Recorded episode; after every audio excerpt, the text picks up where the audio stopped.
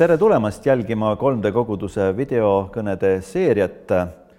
täna me räägime teemal, kelleks saada. tavaliselt äh, mõeldakse selle küsimuse juures, kelleks saada, elukutse peale.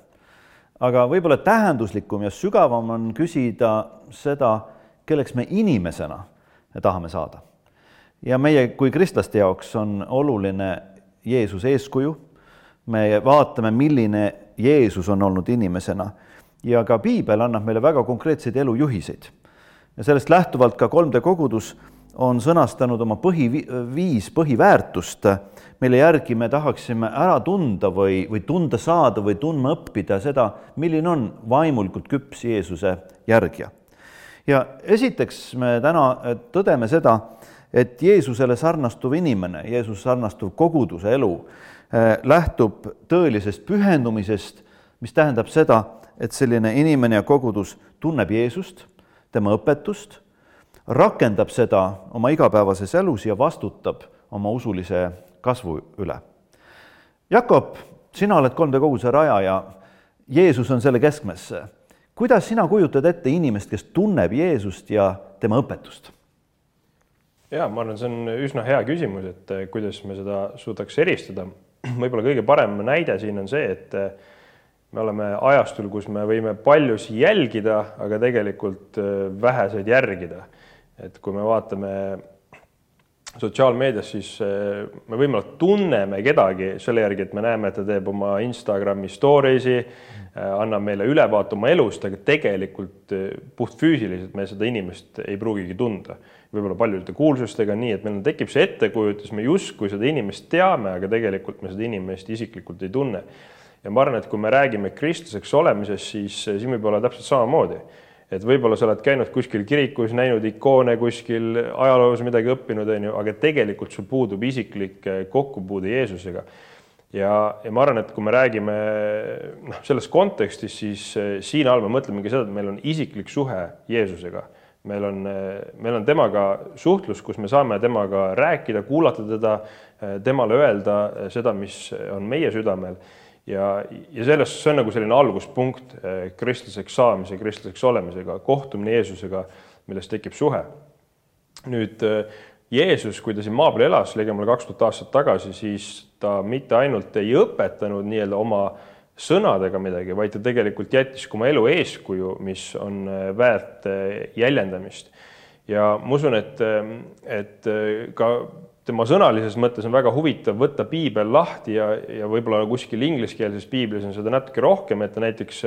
mõnel juhul ongi punaseks tehtud tekstis kõik need laused, mida Jeesus ütles ja, ja mõnes mõttes vahetevahel see võib isegi aidata, et proovi jätta kõik see korraks isegi muu nii-öelda, mida sa loed võib-olla teisena ka keskendu võib-olla kõige olulisemale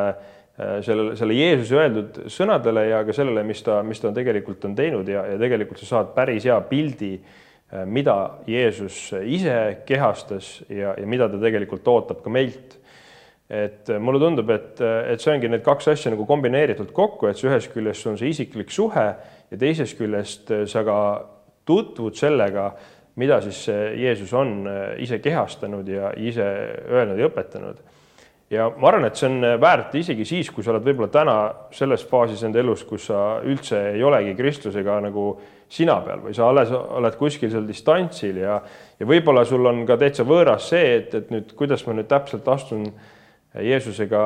sellesse, sellesse suhtesse, kus me tutvume ja, ja seda võib-olla saab ka kogukonna keskel natuke pikemalt arutada, aga, aga vähemalt hea punkt miks mitte, kust alustada, on täpselt see, et ma võtan lahti piibli, Uue Testamendi, laen selle enda telefoni mõne sekundiga ja, ja vaatan lihtsalt, mida Jeesus on öelnud, mida Jeesus on teinud ja, ja lähen sealt edasi. ma olen väga-väga nõus sellega, tundub ju, et kahe tuhande aasta jooksul on see kingitus Jeesus inimkonnale üha rohkem pakke paberit ümber saanud.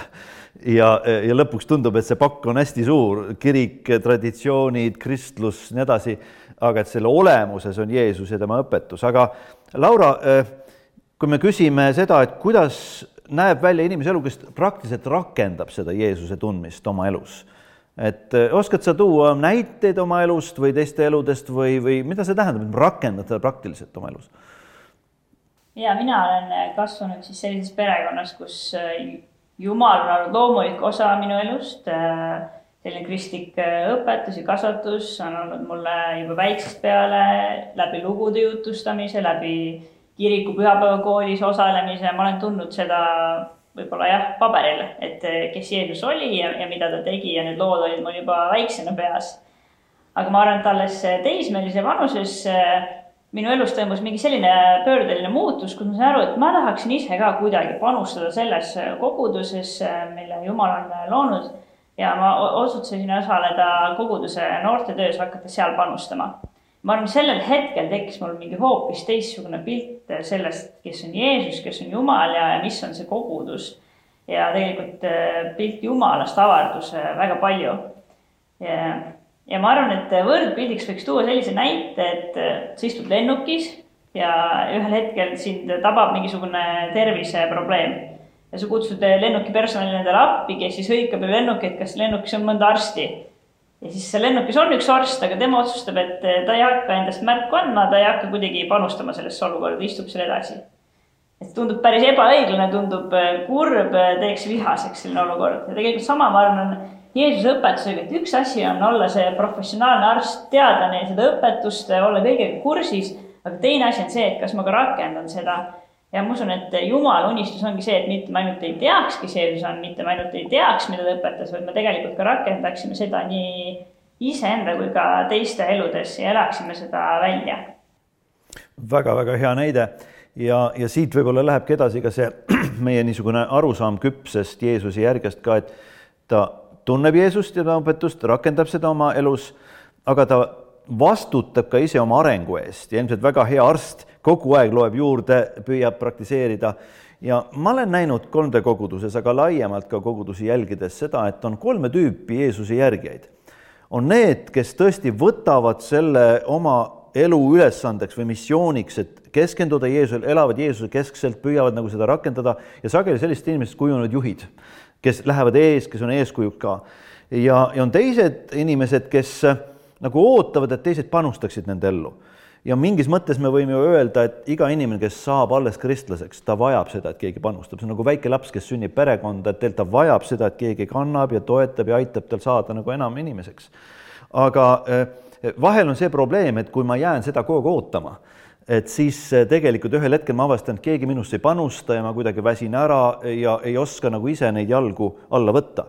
ja kolmas grupp, mulle tundub, on neid inimesi, kes tulevad kogudusse nii nagu kaubamajja, et ma vaatan, mida mulle siin pakutakse või restorani või kuhugi, et et ma tarbin nagu seda, mida pakutakse, aga ma ise ei võta mingit vastust, ma eeldan, et see kõik kaup on mulle nagu toodud.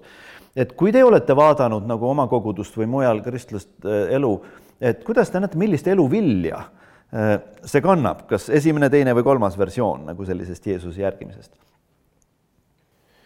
jah, et eks sellele on nagu äh, ma arvan, äh, ühtpidi võib-olla ongi keeruline vastata nagu selles mõttes, et milline see vili on siis, kui inimene ei võta seda vastutust, et see võib erinevat moodi minna ja eks siin on ka võib-olla elufaasid on ju, et, et kui, kui keegi ongi väike laps siis, siis seal faasis võib-olla ongi täiesti ootuspärane, et ta natuke võtab seda vastutust vähem, on ju, aga, aga keegi me ei kujutaks ette, et me tahaksime nagu jääda selleks, selleks väikseks lapseks eh, terveks eluks. Ja ma arvan, et siin ongi see märksõna võib-olla minu jaoks ka nagu see küpsus, et tegelikult see taotlus on selles pooles, et meil on see isiklik vastutus ja tegelikult seal tulevadki esile, ma arvan, täiskasvanu või täisealise inimese nagu viljad, et selles, selles mõttes, et et see, millega tema suudab hakkama saada täisealisena, kui sa võtad selle vastutuse, siis see tuleb ka nagu kaasa selles vaimulikus reaalsuses, kus, kus see vanus on nagu ei, ei sõltu võib-olla nii väga sellest füüsilisest vanusest, aga mina, minu elu või kogemus näitab, ütleb küll nagu vähemalt seda, et need inimesed, kes on valmis seda vastutust võtma omaenda eh, elu eest, siis neile antakse seda eh, nagu vastutust ka aidata järgi neid, kes, kes võib-olla ise ei ei ole seda veel haaranud, aga, aga ka aidata nagu kõiki lõpuks selle, selles suunas, nagu piibel ütleb ka, et tegelikult, et, et see eesmärk on, et kõik jõu-, jõuaksid selle, selle täisealise küpsuse suunas ja, ja, ja sinna nagu välja. et, et see eesmärk, ma arvan, peaks olema igal juhul nagu kõigil, eh, hoolimata, kus faasis nad parasjagu on mm. -hmm ja mida ma lisaks, ma arvan, ongi see, et võib-olla mitte ka liiga palju mõelda sellest, kuidas püramiidist, et kui ma olen täna siin allpool, ma olen selles lapsefaasis, ma olen kuidagi vähem väärtuslik koguduse või teiste inimeste jaoks, et ja kui ma olen seal ülevalpool juba võib-olla kauem olnud usus, tunnen Jumalat paremini, et ma olen kuidagi olulisem, et, et ma arvan, nii see ei ole, et Jumala jaoks on ikkagi iga inimene väga oluline indiviid ja tegelikult ka olles usus kauem olnud, meil on väga palju õppida nendelt, kes on usus alles väga noored, võib-olla -hmm. ka Jumala suhtes mingis mõttes sellises nagu hästi lapse nagu ja isa suhtes. Et tegelikult äh, vahel on nii äh, armas vaadata, kui mõni usus noor inimene, tõesti tema usk ongi nii puhas ja nii siiras, et usubki, et Jumal aitab teda nagu ükskõik millises nagu mures asjas ja on, ongi lihtsalt selliseid armsaid naljakad lugusid, kuidas mõni noor tuleb minu juurde, ütleb, et kuule, tead, ma nagu palvetasin Jumalat ja ma saingi selle kontrolltöö viie nagu ja et sa näedki, et tema jaoks oligi nagu reaalne jumalik nagu vastus ja võib-olla mõni teine vanem ütleks kõrvalt, et kuule, et see on isekas palve, sa oled, miks sa Jumalat nagu palusid seda, aga tegelikult ma arvan, et oluline on siin õppida seda, et et Jumal on meie isa, kes tahab meile kõigile parimat ja ta hoolib meist igaühest tegelikult täpselt seal, kus me oleme, täpselt sellisena, nagu me täna oleme ja kui ma mõtlen teie laste peale ka, siis ma näen, et see on nagu nendesse sisse pandud, nad tahavad ise hakkama saada. mina tahan ise oma sandaalid panna, ma tahan ise oma sinna autotooli minna istuma ja nii edasi, et, et võib-olla meie kristliku elu küpsuse plaan võikski olla see, et me püüame seda võtta, et me tunneme Jeesust, me järgime tema õpetust, rakendame seda oma elus ja võtame vastutuse oma isikliku vaimuliku arengu eest.